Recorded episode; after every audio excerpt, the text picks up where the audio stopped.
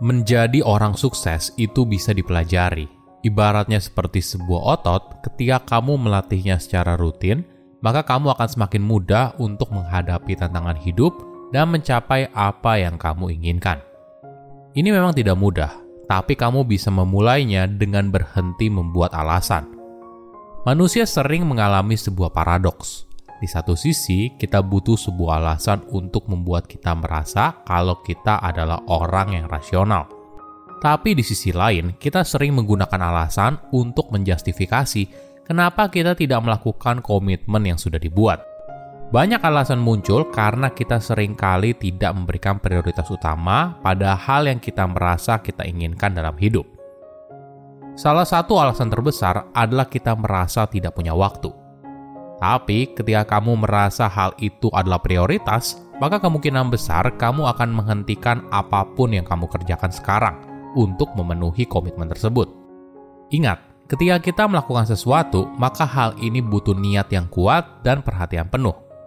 Kamu akan selalu menemukan alasan kenapa kamu tidak bisa mengerjakan sesuatu. Jadi, ketika kita berhenti menggunakan alasan untuk menjustifikasi diri, maka kita sedang meningkatkan peluang kita untuk berubah menjadi lebih realistis, dan menjalani hidup yang lebih memuaskan. Halo semuanya, nama saya Michael. Selamat datang di channel saya, Si Kutu Buku. Kali ini saya akan bahas buku The Achievement Habit karya Bernard Roth. Buku ini membahas bagaimana kita bisa berhenti berharap sesuatu untuk berubah dan mulai mengambil aksi nyata untuk berubah.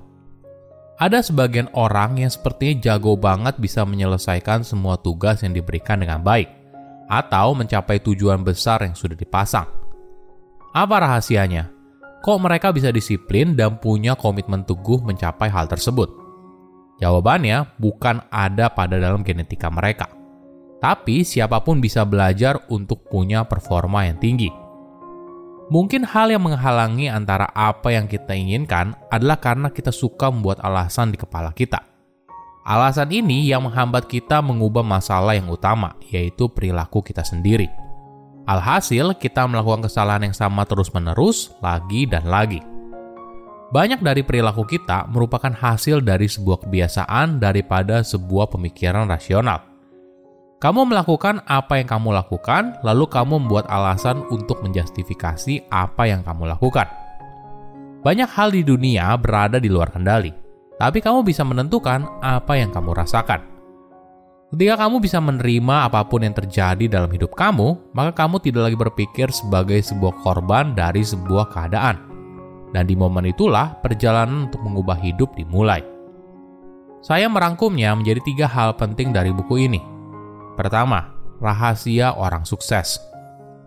Apakah kamu ingin jadi orang yang punya disiplin tinggi? Apakah kamu ingin meraih target besar yang sudah kamu buat?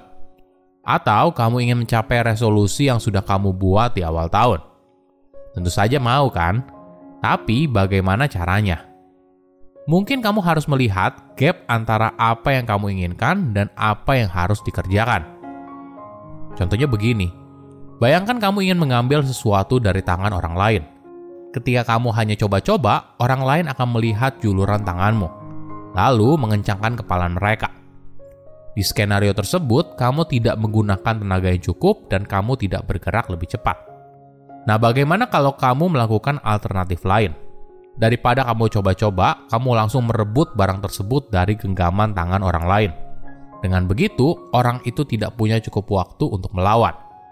Intinya, mungkin hambatan satu-satunya adalah dirimu sendiri sedangkan yang lain hanyalah alasan yang kamu buat atau batasan mentalmu sendiri. Jika kamu tidak bahagia dengan hidupmu sekarang, maka itu tugas kamu untuk merubahnya. Ada contoh yang menarik. Bayangkan kamu datang terlambat di sebuah pertemuan yang penting.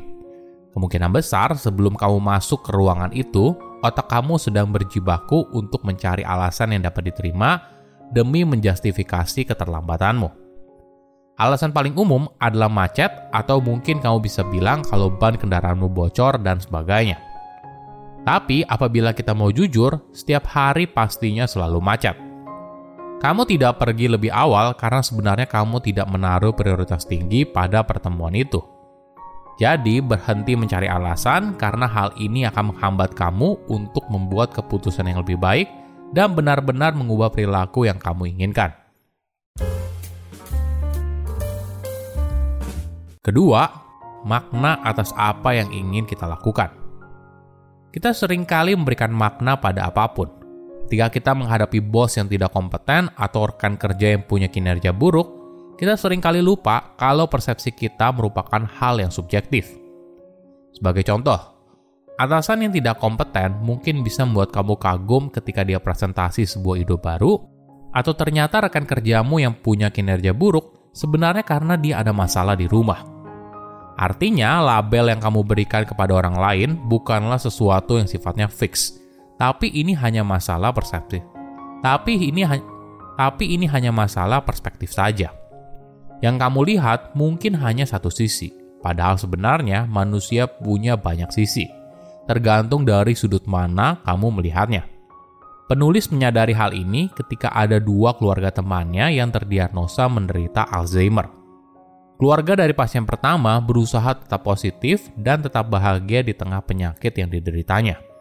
Mereka selalu dengan senang hati menerima kerabat yang menyenguk. Di sisi lain, keluarga pasien kedua memposisikan diri mereka sebagai korban dari takdir yang buruk. Mereka juga terjebak dalam penderitaan yang dialami.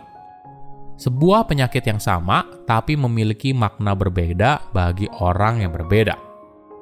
Kamu bisa menjadi orang dengan performa tinggi ketika kamu berhenti memberikan label. Bayangkan kalau kamu sedang kehilangan pekerjaan, lalu memberikan label kalau kamu adalah seorang pencundang Hal ini merupakan hal yang percuma, dan mungkin saja hal ini yang menghambat kamu untuk mengejar masa depan yang lebih indah.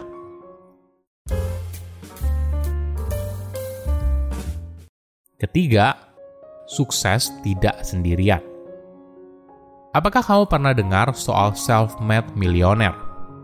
Kalimat ini biasanya menjelaskan seorang yang menjadi kaya raya atas usahanya sendiri. Tanpa mendiskreditkan pencapaian yang sudah diraih, tapi jika kita bicara soal sukses, jarang sekali merupakan jalan seorang diri. Dalam perjalanannya, kamu mungkin saja butuh bantuan. Ada orang yang membantu kamu, ada orang yang memberikanmu kesempatan, ada orang yang percaya atas kemampuanmu. Semua orang ini yang membantu kamu hingga ke posisi sekarang. Kita perlu melihat sukses dan kreativitas sebagai sesuatu yang tidak terbatas. Ketika orang lain sukses, maka jangan menganggap kalau hal ini justru membuat kamu jadi gagal atau peluang kamu untuk sukses jadi terhambat. Mungkin kita bisa melihat orang lain sebagai sumber untuk belajar. Begitu juga dengan dirimu yang berbagi pengetahuan dengan mereka. Inilah wajah dunia modern. Untuk sukses tidak bisa seorang diri. Kerjasama menjadi bagian yang vital. Bukan hanya untuk sukses, tapi juga untuk hidup yang bahagia. Silahkan komen di kolom komentar pelajaran apa yang kalian dapat ketika baca buku ini. Selain itu, komen juga mau buku apa lagi yang saya review di video berikutnya. Saya undur diri, jangan lupa subscribe channel YouTube Sikutu Buku. Bye bye.